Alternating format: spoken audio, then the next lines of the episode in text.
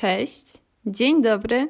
Bardzo miło mi jest Was tutaj powitać po dłuższej, naprawdę dłuższej przerwie, ponieważ zniknęłam na pół roku. E, nie było to planowane zniknięcie, nie była to planowana przerwa, aczkolwiek ten odcinek y, nie jest odcinkiem, w którym chciałabym to wyjaśniać. Od razu Was bardzo, bardzo przepraszam za to, że nie było mnie tak długo. E, nie było to planowane, mm, nie była to planowana przerwa, e, aczkolwiek e, to nie jest właśnie odcinek na wyjaśnienia. W tym odcinku chciałabym porozmawiać o psychoterapii. Jest to temat Myślę, że w tych czasach już troszeczkę bardziej powszechny i mam wrażenie, że ludzie otwierają się na to, aby rozmawiać o psychoterapii i o problemach psychicznych, co bardzo mnie cieszy, ponieważ choroba psychiczna nie jest czymś gorszym od choroby fizycznej. E, mam tutaj na myśli, nie wiem, ból brzucha albo ból głowy. Jeśli coś nam doskwiera dłuższy okres czasu, to zwracamy się e, o pomoc, a kiedy boli nas umysł, kiedy boli nas coś w środku, bardzo często kryjemy to i nie chcemy o tym rozmawiać, nie chcemy prosić o pomoc, boimy się tego, wstydzimy się. Uważam, że to nie jest dobre podejście, aczkolwiek e, bardzo to rozumiem, bo sama to przechodziłam, przechodzę i wiem, że to wcale nie jest łatwy temat. Dlatego też w tym odcinku chciałabym zdradzić Wam kilka e, fajnych tipów na to, jak, e, jak szukać terapeuty, jak szukać kogoś, kto może nam pomóc, e, jak szukać po prostu specjalisty, który będzie wiedział, jak się nami zająć. Warto tutaj jest zaznaczyć to, że na początku niekoniecznie trafimy na kogoś, kto będzie nam odpowiadał i na osobę, z którą złapiemy wspólny język. No właśnie, wspólne porozumienie jest niezbędnym elementem do tego, aby nasza terapia szła w dobrym kierunku, abyśmy mogli spodziewać się oczekiwanych efektów naszej pracy oraz pracy terapeuty. Dlatego też chciałabym przedstawić Wam plan, który myślę, że może być pomocny i istotny podczas szukania pomocy. Dlatego też zapraszam do przesłuchania dzisiejszego odcinka. Ja przed sobą mam małą ściągę, ponieważ stwierdziłam, że jeśli sobie wszystko w podpunktach wypiszę, będzie mi prościej o tym opowiadać i też oczywiście w tym odcinku znajdzie się to wszystko, czego bym oczekiwała i czego sama chciałabym usłyszeć, zanim zaczęłam szukać e, terapeuty, bo jeśli już się domyślacie, na pewno się domyślacie, że ja sama korzystam z psychoterapii, z pomocy specjalisty i nie uważam, żeby to był powód do wstydu. Uważam, że jest to coś bardzo, bardzo ważnego dla naszego zdrowia psychicznego, dlatego jeśli się wahacie, a macie możliwość, bo oczywiście nie każdy ją ma, co też jest bardzo przykre. Jeśli macie tylko taką możliwość, skorzystajcie z niej. Uwierzcie mi, jeśli traficie na dobrego terapeutę, nie pożałujecie. Nie pożałujecie, a może Was to bardzo pozytywnie zaskoczyć. Tak więc zacznijmy. Zacznijmy już od konkretów. E, myślę, że pierwszym ważnym punktem jest to, jak w ogóle szukać. Gdzie szukać, na jakich stronach, czy może z poleceń, czy z Instagrama, Facebooka. Jest bardzo wiele różnych sposobów, z których możemy skorzystać. E, takim najpopularniejszym myślę, że jest portal Znany Lekarz. Tam jest mnóstwo, mnóstwo um, specjalistów, którzy po prostu oferują swoją pomoc. E, ja zaczęłam właśnie od znanego lekarza, ponieważ bardzo zależało mi na czasie um, i tam zaczęłam właśnie robić research. Um, na początku polecam Wam wyznaczyć sobie mm, takie kategorie, jakimi będziecie się kierować podczas szukania mm, terapeuty. E, warto jest przede wszystkim określić sobie to, czy nasza terapia e, ma być stacjonarnie, czy wolicie, żeby to było online. To też zależy od tego, jakimi godzinami dysponujecie, bo czasami stacjonarnie e, terapeuci pracują powiedzmy tam od 8 do 16 albo na godziny popołudniowe. To bardzo zależy, to jest indywidualna kwestia. Wam to może nie odpowiadać, dlatego też tutaj wchodzi w grę terapia online. Ja bardzo, bardzo jestem zadowolona, bo sama korzystam z tej opcji, aczkolwiek no to też jest kwestia indywidualna, więc tutaj musicie to dostosować pod siebie. Myślę, że w takich kategoriach, w jakich możemy szukać, warto też zaznaczyć to, czy zależy nam e, na tym, aby terapię prowadziła kobieta lub mężczyzna. E, ja wiem, że to jest taka błahostka, aczkolwiek no, niektórzy lepiej czują się w towarzystwie mężczyzn, niektórzy w towarzystwie kobiet, dlatego to też warto rozważyć. Jeśli bardziej interesujecie się e, psychologią, warto rozważyć też e, specjalizację oraz nurt, w którym e, nasz terapeuta, przyszły lub nie, będzie prowadził naszą terapię. Na tym też bardzo warto się skupić, bo jeśli nasz przyszły terapeuta nam nie podpasuje, to nie oznacza, że on jest złym terapeutą, ale może oznaczać, że po prostu nie pasuje nam nurt, w którym on e, pracuje. Także warto na to zwrócić uwagę, warto się troszkę, troszeczkę rozeznać e, w tym temacie. Mm, najczęściej popularnym, tak mi się wydaje, jest nurt e, poznawczo-behawioralny. Ja też pracuję w tym nurcie z moją terapeutką i jestem z niego bardzo zadowolona, e, także mogę go polecić, ale nie wiem, jak na ciebie E, zadziałałby ten sposób rozwiązywania problemów.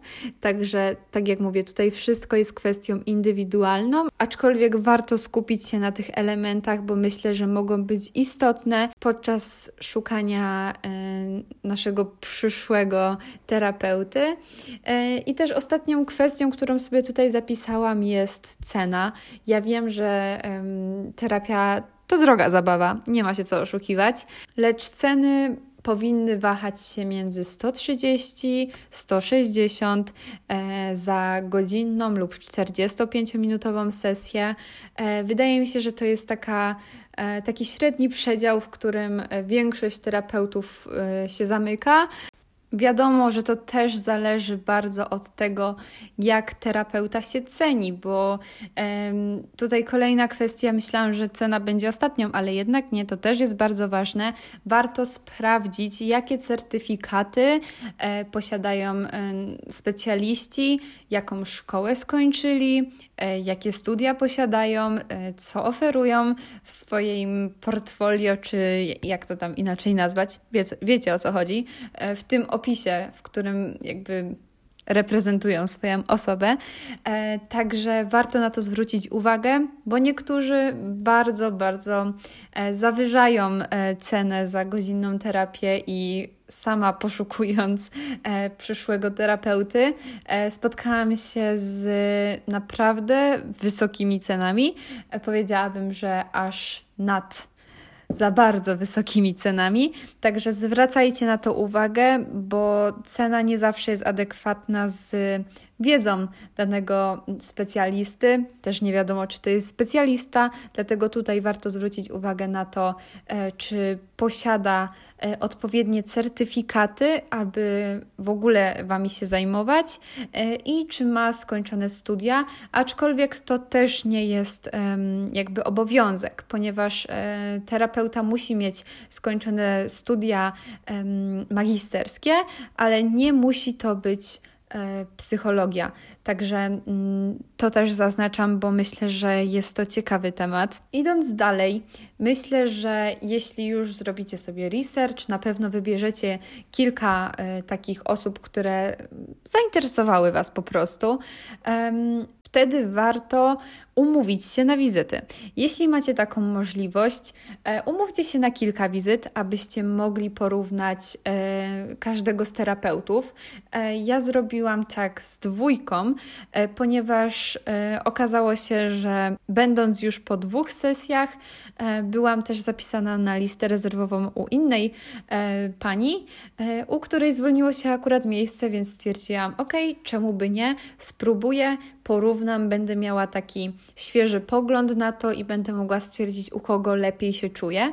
E, dlatego Wam radzę to samo. Jeśli ktoś zainteresował Was na tyle mocno, że e, chcecie się zapisać na tą listę rezerwową, bo po prostu ten terapeuta nie ma na razie wolnych miejsc, zróbcie to. W pewnym momencie może się po prostu zwolnić jakieś miejsce i będziecie mogli e, porozmawiać z daną osobą i a nuż okaże się, że to jest właśnie ta osoba, z którą będziecie kontynuować terapię. W moim przypadku właśnie tak było. Byłam po dwóch sesjach u e, jednej pani, a potem zwolniło się miejsce u e, mojej aktualnej terapeutki e, i od razu po pierwszej sesji wiedziałam, że to jest na 100% ta osoba, że czuję się w jej towarzystwie w sumie nie towarzystwie bezpośrednio, tylko przez internet, mm, ale że po prostu bardzo dobrze mi się z nią rozmawia, czuję, że nadajemy na tych samych falach i że ona mnie po prostu rozumie.